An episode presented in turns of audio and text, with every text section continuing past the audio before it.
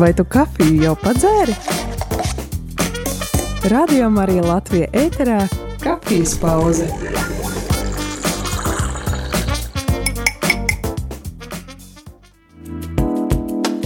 Labrīt, labrīt, rādījumā arī klausītāji. Šeit es, priesteris Jānis Meļņikovs, un ar mani šajā rītā, šajā kafijas pauzē, ir divas asociētās profesors, ja nemaldos, ja? Tātad viena ir Aivita Putniņa, antropoloģija no Latvijas, universitāte, Latvijas universitātes, un otra ir Ilva Skulte no Rīgas Stradiņu universitātes, jā, droši var, droši var teikt, man viss tas ir pierakstīts, bet šodien ir tāda, nu, nedaudz citādāka varbūt tās šī kafijas pauze, uzaicinot šīs divas profesoras un aicināju principā ar mērķi parunāt par sievietēm un reliģiju.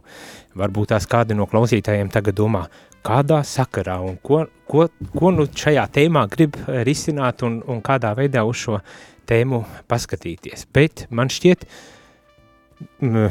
ir vairāk iemeslu, kāpēc vajadzētu runāt par šo tēmu. Un viens no tiem, protams, ir šī brīža situācijā, kur nu beidzot ir Stambuls konvencija pieņemta, bet visa tā ažiotāža, kas ap to tika apvīta un risināta, un tie saucieni, ja nemaldos pat uz referendumiem vai, vai ja ne uz kautiņiem vai uz tādām lietām, un bieži vien no reliģijas puses, un es tā domāju, jā, bet ja jau sabiedrībā runā par šo tēmu un, vardarbību un sievietes un, un kādēļ ne arī baznīcas kontekstā runāt par šo tēmu, ja, ja nekā citādāk, bet mana personīgā motivācija, kādēļ es aicināju jūs uz šo sarunu, ir vairāk izriet tieši no baznīcas puses, jo iespējams, jūs nezināt, bet baznīcā ir tāds process uzsācies jau divu gadu garumā, ko sauc par sinodalitāti, jeb kopīgo ceļu, kurā cilvēki tiek iesaistīti diskusijās, sarunās par visdažādākām tēmām, principā tēmām, kas, kas nu kurām ir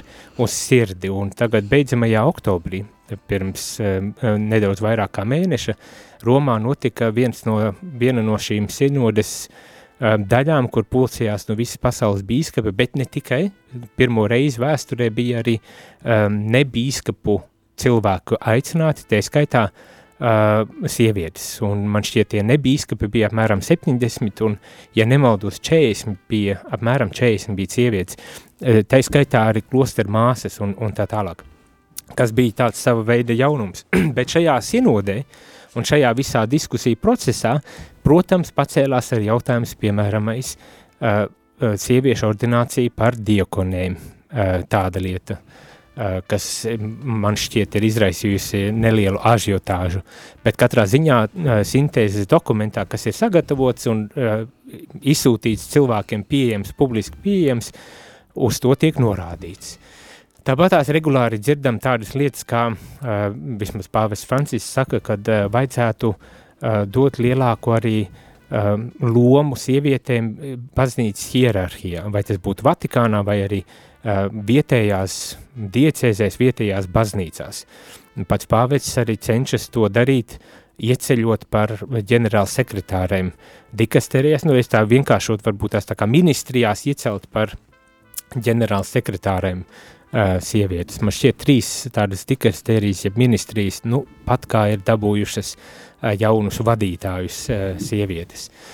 Un ir arī citas lietas, un bieži vien arī vēl, vēl tagad lasot šos dokumentus un domājot par šīm lietām, arī uh, tiek uzsvērts, ka vajadzētu sieviešu klātbūtni palielināt, piemēram, priesteru sagatavošanā. Uh, atkal visdrīzākais skandālu rezultātā ir nonākuši pie secinājumiem, ka, lai padarītu šo apmācību draudz veselīgāku un, un, un caurskatāmāku, kad vajag tomēr iesaistīt ar sievietes tajā procesā. Tas, tas viss tiek rakstīts.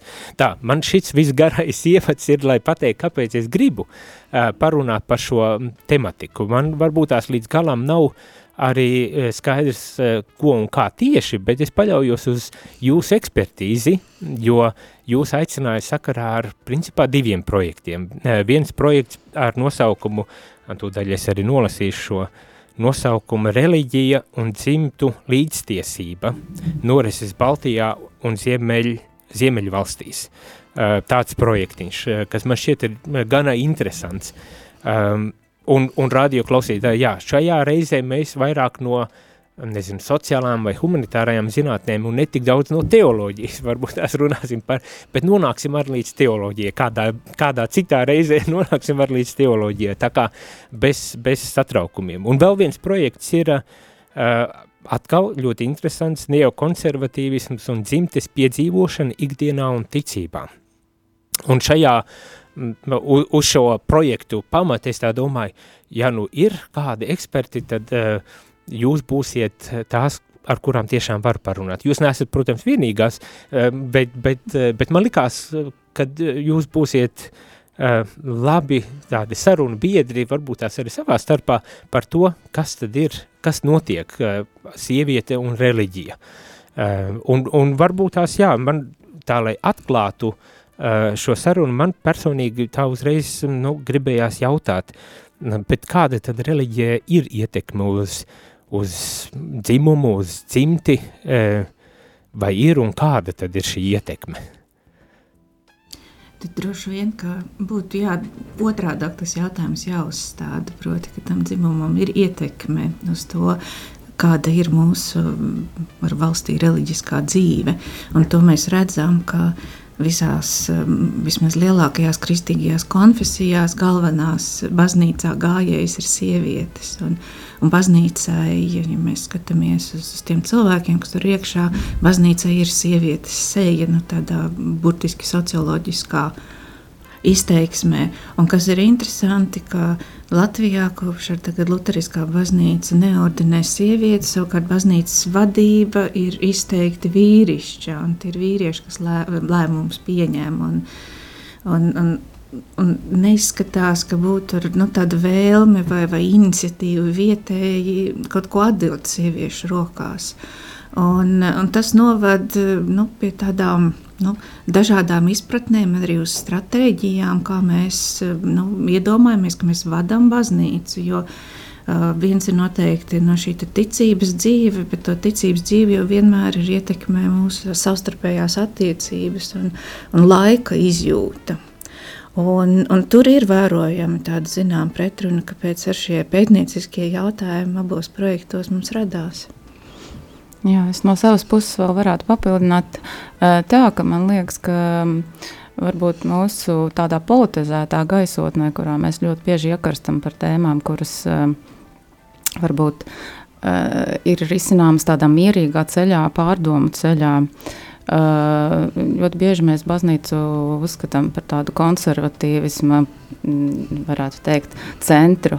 Grūti pateikt, kādēļ tas ir noticis, bet, manuprāt, būtu laiks pārdomāt šo vietu un arī ieraudzīt baznīcu tādā modernā, modernas sabiedrības kontekstā, tā skaitā ņemot vērā to, kāda attīstība tieši sieviešu vienlīdzības, nu, patiesībā dzimuma vienlīdzības un sieviešu tiesību kā daļas no cilvēku tiesību jomā ir notikusi pēdējā pusgadsimta laikā, piemēram, ja ne vēl ilgākā laika posmā. Nu jā, un es tā pameklējot par pirmo projektu, um, nelielu aprakstīņu, tad uh, viens no tādiem uh, kopsavilkuma uzstādījumiem ir, kad veicināt ieg ieguldījumu dot sociālās iekļaušanas veicināšanā, uh, kas man šķiet ir Protams, ļoti apsveicama lieta, bet uh, man uzreiz tā drusku oponentam esot no tās baznīcas puses, pašam atrodoties, bū, esot vīrietim un es, esot arī priesterim, arī tā kā pārstāvot, vai tad tiešām ir tāda,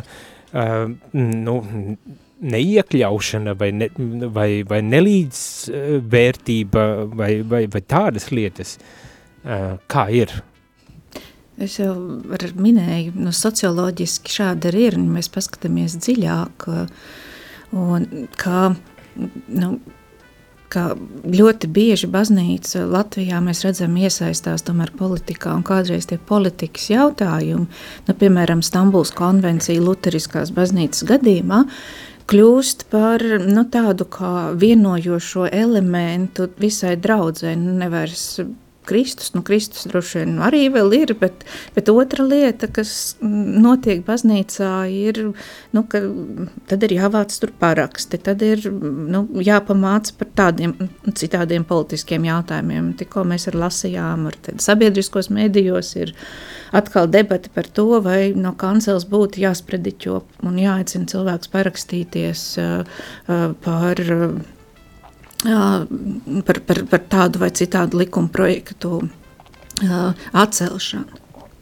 Nu jā, bet kāpēc, kāpēc baznīca nevarētu iesaistīties šādos, šādās lietās? Nu, varbūt tās tā ir tā kā nu, alternatīva tam dominējošam, jo šobrīd tā viņš šķiet, ka tas kļūst par tādu dominējošāku nostāju, un kāpēc nevar būt tā alternatīva tādā gadījumā? Es domāju, ka noteikti var un vajag, Bet šeit būtu jāņem vērā, un patiesībā man pašai bija atklājums lasot par to, tieši pētot Stambulas konvencijas diskusijas mūsu mēdījos. Uh, ka ir tāda arī teorētiska diskusija par to, tieši kādā veidā un kā baznīcai būtu jāiesaistās un, un kā tā, teiksim, uh, ir dalībnieki šajā publiskajā sfērā. Man liekas, tas, kam nevajadzētu notikt, ir baznīcai nevajadzētu izmantot savus teiksim, īpašos spēkus, ja tā varētu teikt, īpašos nedegošos argumentus cīņā ar citiem dalībniekiem. Respektīvi, tam būtu jānotiek uz tādiem līdzvērtīgiem pamatiem.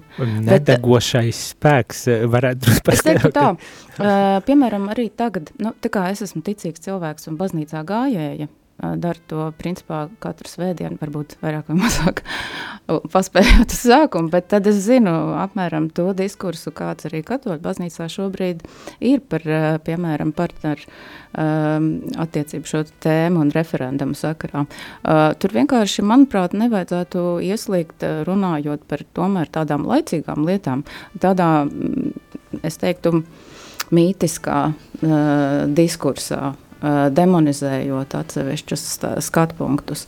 Es domāju, nu, protams, es arī nejūtos tā, ka es būtu piemēram kādiem uh, uh, priesteriem ar pieredzi, cilvēks, kurš var pamācīt, kā tieši runāt par šīm tēmām. Bet es domāju, ka tiešām būtu jāievēro tāds elementārs princips, ka tad, kad mēs esam sekulārā vai postsekulārā, uh, tādā atvērtā publiskā sfērā un diskutējam par šiem te, uh, ar likumdošanu saistītiem jautājumiem, uh, tad mēs ievērojam tādus racionālus principus un uh, atsaucu sistēmas, kas varbūt uh, balstās uz uh, likumiem, ne tik daudz, piemēram, uz mm, svētajiem rakstiem, ka, lai gan, protams, ka, bet te arī īstenībā nav runa par to, ka mēs ļoti bieži atsaucamies uz svētajiem rakstiem vai neatsaucamies, bet drīzāk par to, ka uh, tā, mm, tāda metafora vai metaforu sistēma tiek pārņemta un tālāk darbināta pavisam laicīgā vidē.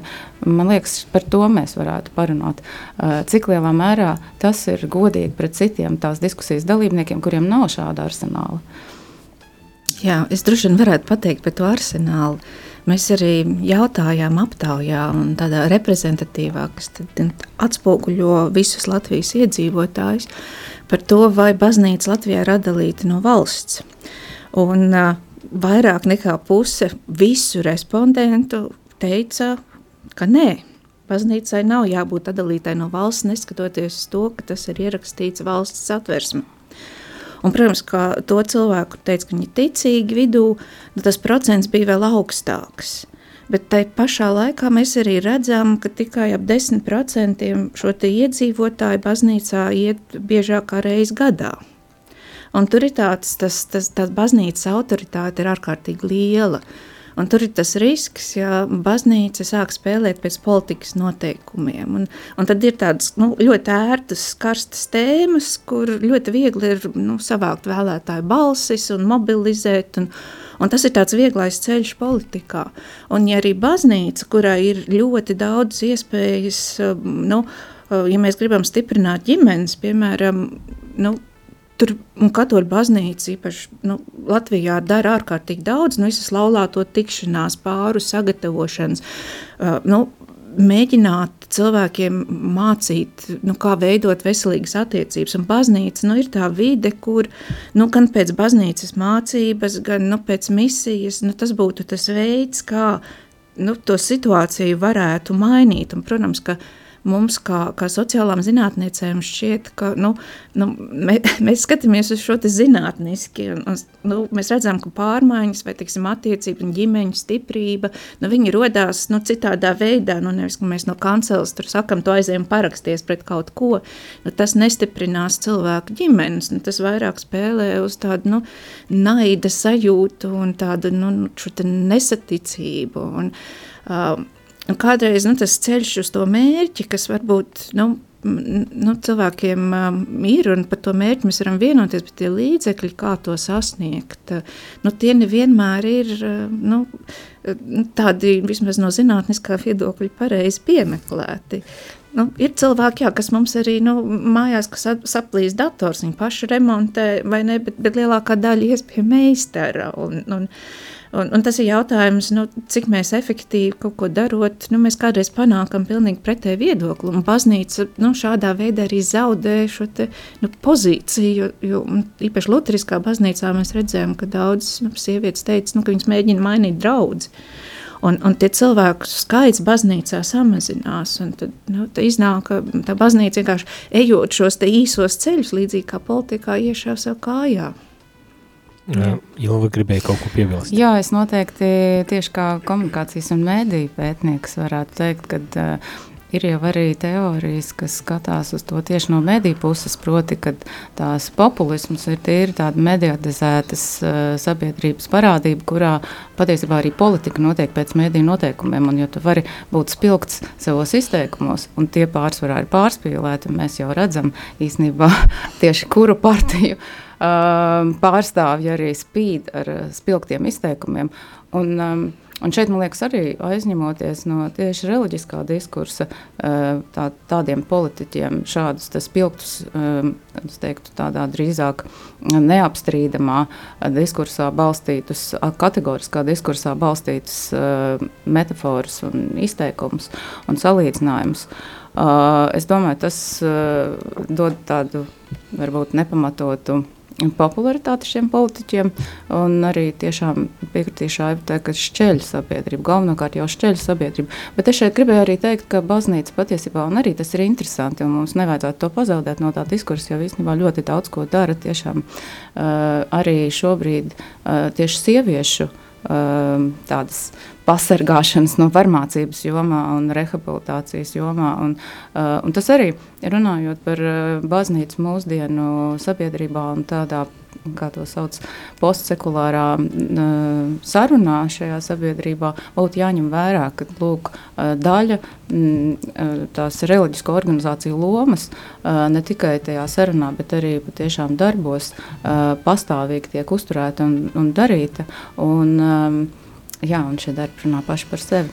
Man, man tā gribējās, tā vien, viens aspekts, ko jūs pacēlāt, ir par to, ka nu, baznīca mēģina politizēt savu, uh, savu pieeju uh, šajā, šajos visos jautājumos, līdz ar to arī iešaujot sev kājā.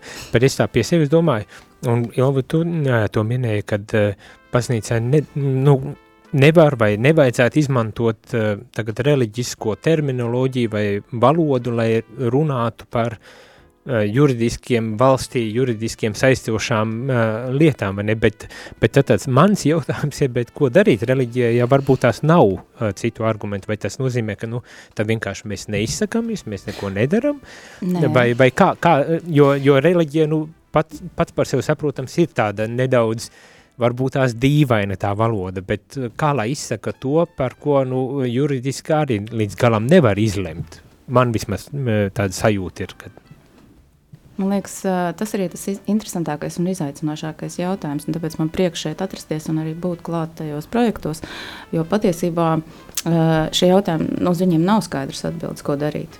Es tikai nedaudz ieskicēju to, ko es uzskatītu par tādu uh, publiskās sfēras diskusijas mm. protokolu, kurā kā, mums nevajadzētu būt pārstāvjiem, kuru uh, teiksim, valodā ir arsenāls.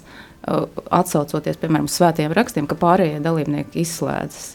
Bet uh, es neteiktu, ka es būtu saskatījis tajā, ko es esmu šajā šo projektu laikā izlasījusi no uh, citu valstu pieredzes, no teorijas, tiešām tādiem filozofiskiem, varētu pat teikt, pārspriedumiem par to, kā šī publiskā saruna būtu jāuztur, kaut kādas receptes un atbildes. uz tiem jautājumiem. Protams, vienmēr daži būs uh, pārliecināti, ka nu, nevar lietot šādu diskursu, citi atkal tiešām, uh, ka nav jau cita uh, diskursa, kā baznīcai izteikties, bet to, ka šeit ir tāds mazliet interesants ētisks jautājums, kā šo sarunu lai ved, uh, kā, kādi ir tie ētiskie principi, kāds kods būtu jāuztur, tad, kad mēs savā starpā sarunājamies arī starp citu ticīgi un neticīgi cilvēki, jā, jo gal galā Tiešām arī atcaucoties uz svētajiem rakstiem, ja tu esi ticīgs cilvēks, tev jārēķinās ar to, ka tavs sarunu partners būs neticīgs un viņam tas stingri ņemot neko nenozīmēs. Bet uh, savukārt citiem cilvēkiem tas var radīt nespēju izteikties. Un tāpēc man patīk būt klāt šajos projektos īstenībā tieši Aivitas pozīcijas dēļ, jo Aivita ir tas cilvēks, kas man pašai atvēra acis uz to, ka var būt tāda ticīgas. Um, sievietes perspektīva mūsdienu pasaulē, nu, kas pēc būtības esmu arī es.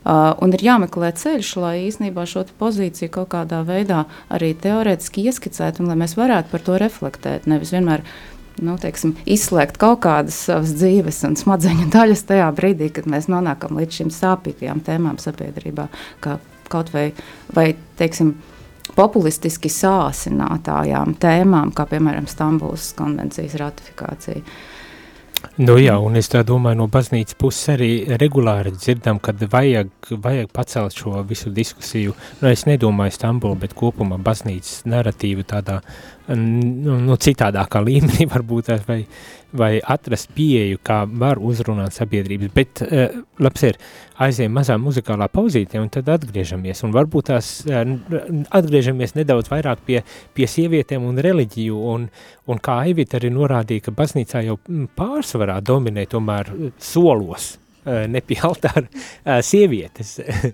un, un man, man gribas tā no manas perspektīvas, kā priesteri prasīt, kas, kas tur ir, vai sieviešu ticība un, un reliģiozitāte tiešām kaut kādā veidā atšķiras un kā un, un, un, un, un kas notiek šajā jomā. Bet tas jau pēc muzikālās pauzītes.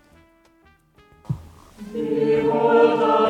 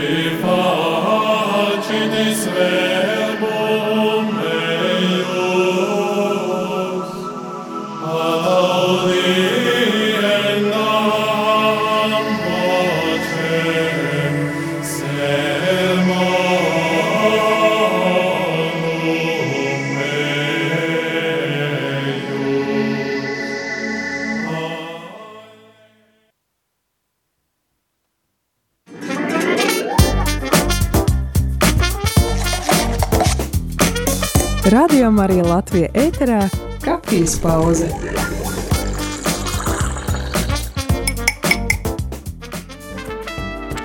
Labdien, labdien, rādam arī klausītāji, šeit es, Presters Jānis, un šodien ar mani ir divas uh, profesores, gan no Latvijas universitātes, gan arī no Rīgas Stradiņu universitātes, un tās ir Ilva Skulte un Aivita Putniņa. Un, uh, jā, uh, varbūt tās tā sākotnējā uh, doma bija par, par sievietēm un reliģiju, bet uh, pirmā uh, raidījuma pusē aizritēja par, par diskursu veidošanu droši vien un tādām lietām, eh, kas man šķiet ir gan interesants. Starp citu pauzītē paspējām nedaudz aprunāties par to, eh, nu, bieži vien kognitīvo disonanci, kā, eh, kā Ilva saka, kas rodas, kad jā, viena lieta ir domāt droši vien ar savu galvu un cits kaut kas. Dažu brīdi, nevienmēr, vismaz man tā gribētos ticēt, ir tas, ko mēs dzirdam, un varbūt tās ignorējot pat pašu baznīcas mācību.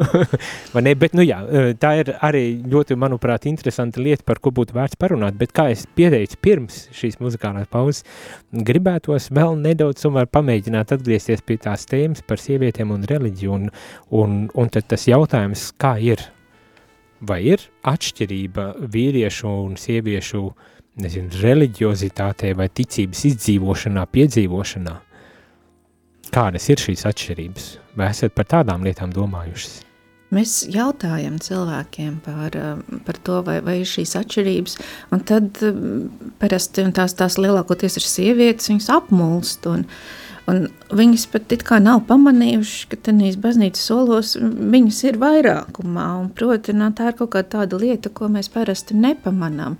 Bet, nu, tad, kad dziļāk jautā un runā par sievietēm, mums ir interesē, kā ticīgas sievietes un, un visās lielākajās kristīgajās konfesijās Latvijā, um, ko viņas domā par dzimumu līdztiesību. Tas, ko ar tikko Vilva pirms brīža pieminēja, proti, um, nu, kā šis te politiskā izpratne par to, kas ir dzimuma līdztiesība, ka, ka vīrietim un sievietei jābūt līdzvērtīgiem, uh, Un, un, un kādi tagad ir ceļi sasniegšanai, vai tur kvotas darba vietās, vai sievietes arī varētu ieņemt priesterības amatus. Un, Nu, un, un mēs mēģinām viņus nu, tā vienādot, tā pēc, nu, ka, ka visiem ir vienas un tās pašas iespējas.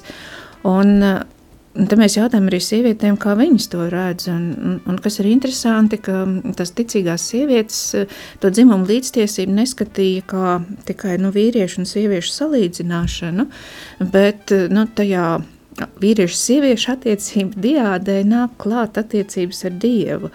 Un, un tā nav dzimuma līdztiesība, bet tas ir taisnīgums, kurš tad ja, ja cilvēks ir ticīgs un viņam ir attiecības ar Dievu, tad šīs attiecības līdzsvaro arī attiecības starp vīriešiem un sievietēm.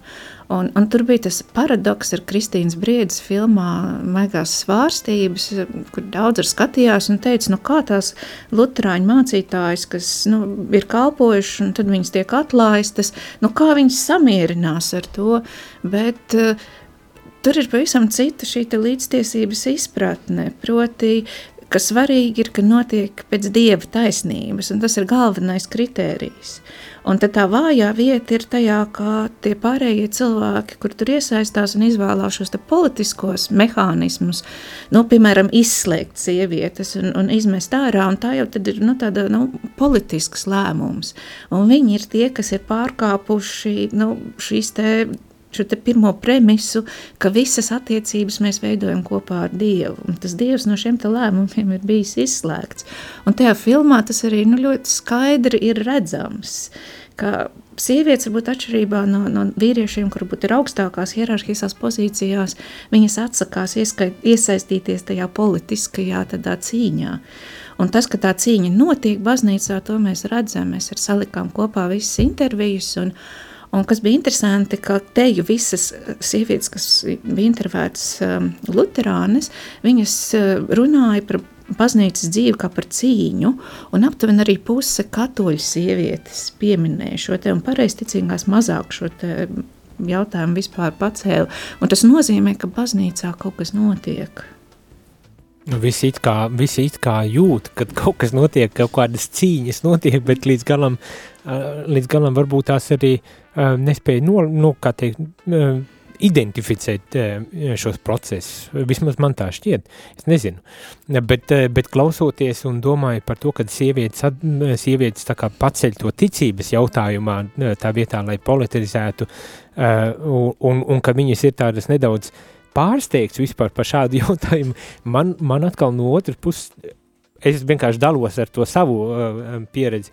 Man nekad nav bijis nekāds pārsteigums, ka sievietes ir vairākumā. Tā ir vienkārši realitāte. Ir, ir droši vien draudzes, kur ir vairāk arī vīrieši uh, klātesoši, bet dominējoši tomēr ir sievietes. Un man pat gribētos teikt, ka labs ir, jā, uh, uh, priesteris ir vīrietis un viņš, viņš ir atbildīgs un, un mm, lēmēji instance šajā, šajā lietā, bet bieži vien uh, man vismaz tāds priekšstats ir bez sieviešu atbalsta un, palī, un pat arī tādas vadības, man pat gribētos teikt, nav, uh, nu, nenotiek lietas, to varbūt tās neredz, un tas netiek nekādā veidā arī uh, jā, um, pateikts skaļi vai, vai atkal aprakstīts un nodefinēts, bet ka tās lietas uh, principā notiek? Un tad tas jautājums tikai par uh, par amatu, un, un, un kā, tad, kā tad ir ar to? Un šeit man liekas, ka Daivita man izlabos, ja es kļūdos, bet man šķiet būtu vērts runāt par plašākā nozīmē kultūru, jo patiesībā organizācija iekšienē šī, šīs arī nav nekāds teiksim, tāds īpašs fenomens, lai cik tas nebūtu interesanti. Tieši nu, pat kā nonākt pie tāda secinājuma. Jo patiesībā, ja mēs skatāmies uz to kādu lomu sieviete spēlē kopumā ļoti aktīvi mūsu sabiedrībā, nu, kaut vai augstākajā izglītībā. Man liekas, sievietes Latvijā ir viena no pirmajām vietām vispār, kas ir iegūšas un arī strādā augstāko izglītību Latvijā, nu, respektīvi salīdzinot ar citām, piemēram, Eiropas valstīm. Bet um, uh, tas, kur sieviešu nav, ir tieši šīs vadības pozīcijas. Un, uh, Tas ir atkal materiāls pārdomām, manuprāt, jo, ja sievietes tā var darīt visu, tā skaitā daudz izdara tieši ar savu tādu, varbūt, atvērtību, iesaistīšanos un ieguldīšanos tieši visu to darba pusi, tad tā reprezentatīvā funkcija, tā vadītāja funkcija, tā, kur, pas, kurš pasaka galvārdu un arī pārstāv kādu organizāciju, ļoti bieži ir tieši vīriešu pozīcija. Un arī, nu, teiksim, lasot pētījumus vairāk tieši par savu nozaru, par mēdījiem, arī par citām Eiropas valstīm, arī citur Eiropā joprojām kaut kur tā ir. Uh, jā, es sauktu to par tādu kultūras iespaidu, kādā mēs iespējams likumus uh, savā ziņā sagramojam. Uh, un, un šeit Vai, vai, vai vispār nevarētu runāt par netaisnību kā tādu? Varbūt tas ir tik abstrakti, bet ne asociējot to tieši ar dzimumu, dzimumu vai ne? Sievietes, vīrieši. Uh, Sievietes varbūt uh, nu, kā, apzināti paliek otrajā plānā. Uh, varbūt netik daudz uh, tiecas un cīnas uh, par to pirmā pozīciju. Um, vai tas ir tādēļ, ka viņām tas ir kultūrā ieaudzināts vai, vai kaut, kā, kaut kādā veidā? Es, es domāju, ka tā, jā. Es, man, manuprāt, ka tas drīzāk ir tas, ka sievietēm vienkārši ir cits šis mehānisms, kā viņas redz, kā var to taisnīgumu panākt. Un tad šīs ir attiecības ar Dievu. Un, un ja tas priesteris kāds viņš tur ir priekšā, nu, viņ, viņam, viņš, viņš tik un tā reprezentēs Kristu. Un, un, un līdz ar to nu, tas priesteris ir, ir jāpieņem. Citādāk tu nevari tajā baznīcā būt iekšā. Un tā ir liela nelaime, ja no, no baznīcas nu, kā institūcijas puses nāk šīs ļoti hierarhiskās attiecības un, un, un politika iekšā. Un tas, uh, Uh, nu, tas, tas grauj baznīcu no, no iekšienes. Proti, ka šīs attiecības vairs nenotiek uh, caur Kristu, bet viņas notiek savstarpēji. Tā hierarhija aizvieto teoloģiju, un, un politika aizvieto teoloģiju. Un, un kā nu, baznīcā nu, visas šīs attiecības darīt kopā, nu, nu, mēs labi zinām, nu, Kristus ir teicis, ka tie pirmie būs tie pēdējie, bet to mēs kaut kā ikdienā ļoti nu, aizmirstam vai izmantojam šo saukli nu, tā kā politiski, ka pieņemam, ka sievietes būs tās, kas visu tur izdarīs, visus tur diakonijas darbus, visus nu, tādas, tādas šos te sīkumus, un, bet nu, tām attiecībām ir jābūt godīgām visos līmeņos. Un, un ir kaut kāds brīdis, nu, kur tu, jā, tad, nu, mēs viens otru stiprinam un atbalstam, un ja tas pietrūkst, ja nav tās savstarpējās cieņas, vai, vai tu jūti, ka tas darbs, ko tur ieguldi, tiek nu, nonicināts un, un, un nenovērtēts, Mēs jau sakām, nu, ja tas mazais darbiņš vai nebaznīcas tīrīšana ir tikpat svarīgs kā tur tas priestera amats, bet nu, tādā ikdienas saziņā nu, mēs signalizējam absolūti ar visu, nu, ka tas tā tomēr nav. Un tur ir tas risks, ka nu, tā, tā, tā politika kādreiz e, ņem virsroku, un, un cilvēks jau nu, jūt. Un, un, tā, tā līdztiesība ir principā vairāk par cieņu, ne, ne tik daudz par uh, Uh, resursu vai, vai iespēju mm, līdzvērtīgi, nu, vienādu sadali starp, starp dzimumiem un, un tā tālāk. Es tādu druscīziņu sāku klausīties, bet ja, ne, nu, pieļauju, ka es vienkāršoju arī šo. ne, ne, nu, sliktākais, nu, tas, kas notiek, ka mēs stereotipizējam, nu, kā mūsu kultūrā, kas ir sieviete un kas ir vīrietis, un šo pat taisno ienesam iekšā baznīcas dzīvē. Un tad tur tāds, tāds bioloģiskais materiālisms, nu, kur tas, tās ķermeņa atšķirības pēkšņi paliek svarīgākas, un tad mēs aizmirstam, ka tas, kas mūs padara dievam līdzīgus, ir tā dieva dvaša, kas ir iepūsta. Un, un, un, un ne tik iepūsta sievietei viena un vīrietim otra.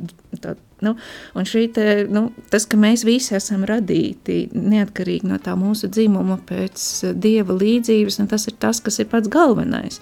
Un tad tāds vulgārs materiālisms, ko baznīca it kā apkaro, kļūst ironiskā kārtā nu, par to mūsu attiecību vadmotīvu. Jā. Es atkal atbildētu uz to pirmīt izvirzīto jautājumu, kā sadarbība. Jo tas, kā es redzu tieši šo ģimenes tēmu, ir, ka ģimenei būtu jābūt nevis jādala lomas, kurš vadīs, kurš nevadīs, bet tiešām jāorientējās uz to sadarbību.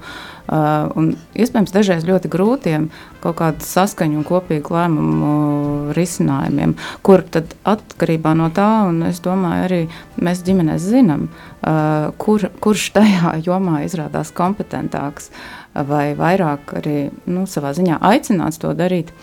Uh, tad uh, tas darbs arī tiek paveikts. Bet es gribēju ieskicēt šeit vēl vienu tēmu, tieši par, runājot par šo līdztiesību un uz tādas sadarbības kooperācijas pamatu. Jā, starp citu, ja mēs runājam par baznīcu, tad arī šeit būtībā mēs varam uztvert baznīcu kā ģimeni, kurā tad arī šī sadarbības modeļi būtu jāmeklē tādi uh, uz līdztiesīgiem pamatiem. Un Es domāju, tas pamatkods jau tieši baznīcā tāds ir.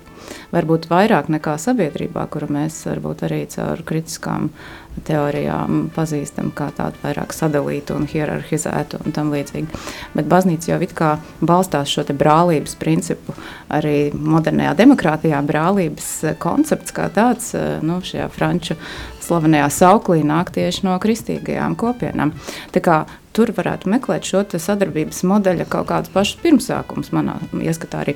Bet es šeit gribēju ieskatīt vēl vienu citu tēmu. Savādāk sanāk tā, ka mēs diskutējam no tādām feministu sieviešu pozīcijām uh, par vīrieti modernajā sabiedrībā. Jo es domāju, ka vīrietis varbūt pat vairāk nekā sieviete ir apdraudēts no tās lomas, ko viņai mēs tād, tādā veidā, teiksim, hierarhiski skatoties šiem dzimumu lomām, um, piešķiram Nevelti vīrieši tieši ir tie, kur pašnāvības eh, procents, man liekas, joprojām un vispār, teiksim, eh, dzīves ilguma šis gadu skaits ir mazāks nekā sievietēm, un pašnāvības procents attiecīgi lielāks, un tie riski, kā es to redzu, arī lielāki tieši vīriešu gadījumā, jo mēs kā no vienas puses viņiem, nu, dodam šo vadošo pozīciju un atvēlam arī tā skaitā baznīcas ietveros. Un, um, No otras puses, eh, tad viņi arī jūtās tā, it kā viņiem šis jūks ir jānes. Un tas nevienmēr ir viegli. Un, eh, tā ir ne tikai atbildība, bet arī risinājumu meklējam, kura neatrodas. Un, un man šķiet, ka tas arī nav godīgi pret vīriešiem, ka mēs vienmēr uzliekam viņiem savā šādā hierarhizētā uh, dzimuma attiecību modelī uh, to lomu, atbildību, kuru nemaz nav tik viegli mūsdienās panest. Tas bija tas, ko es gribēju, ar ko es gribēju arī noslēgt šo raidījumu, jautājot, jo man tā šķiet, nu, netaisnība un nevienlīdzība un ciešanas un vispārējais, ar ko sievietes saskaras, saskaras ar vīriešu. Nav jau tā, ka tikai sievietēm tādas būtu tās pieredzes, vai ne? Varbūt tās citādākā veidā kaut kādās jomās vai vietās tas tiek, tas izpaužas, bet kopumā tā, tā ir tāda vispār cilvēcīga pieredze? Un, un, un šobrīd mēs ļoti cenšamies analizēt un izprast tieši to sievietes lomu, bet, bet dažreiz man šķiet tas pārmetums arī ne, ne jau tikai no baznīcas puses, bet arī droši vien vairāk konservatīvi orientētiem cilvēkiem, kad nu, tagad vīrieti tā kā mēģina apspiest, kā, kā uz to reaģētu, uz šādu lietu. Nu, Ilvi jau tikko minēja arī to nu, nab, nab, nabaga vīrieši, viņi arī cieš, un, un, un to parasti vienmēr min, tā, ka saka, nu, sievietes cieš no vardarbības, bet, nu, tur ir kāds procents ar vīriešu, kas cieš, bet, nu, protams, ir arī tam visa pozitīvā puse, proti viena neliela daļa vīriešu no tādas, no hierarhiskas dzimumu sistēmas iegūst. Nu, viņiem ir lielākas algas, un mēs zinām, ka tajās jomās, kur ir vairāk vīriešu, tur alga vienmēr būs lielāka, nu, publiskajā nu, komerces sektorā. Uh, un, uh, un, protams, ka lielākā daļa vīriešu neatbilst šai kategorijai. Viņai varbūt viņi būs nu, labākā situācijā nekā vidēji sievietes resursu ziņā.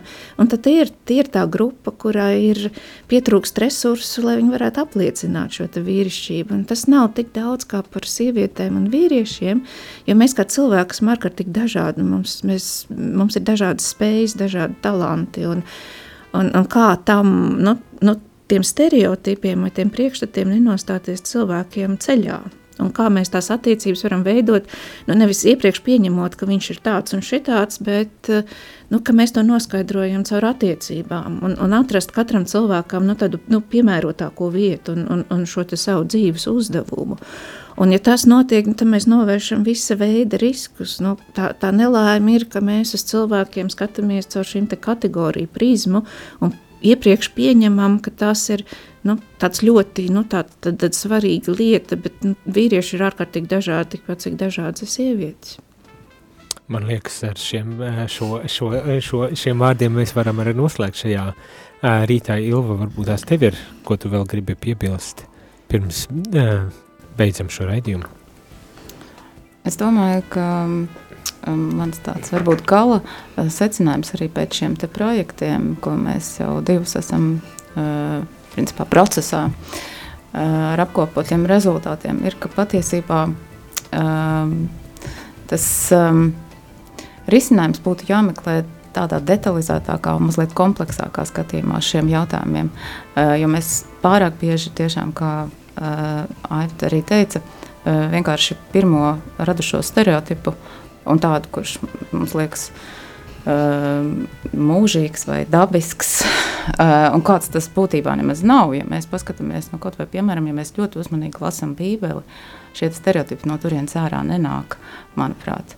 Uh, attiecinam uz savu aktuālo ikdienu, uz katru gadījumu, kurā mēs sastopamies ar kādiem cilvēkiem un mēģinām izveidot attiecības. Un tomēr tas ir nepareizi.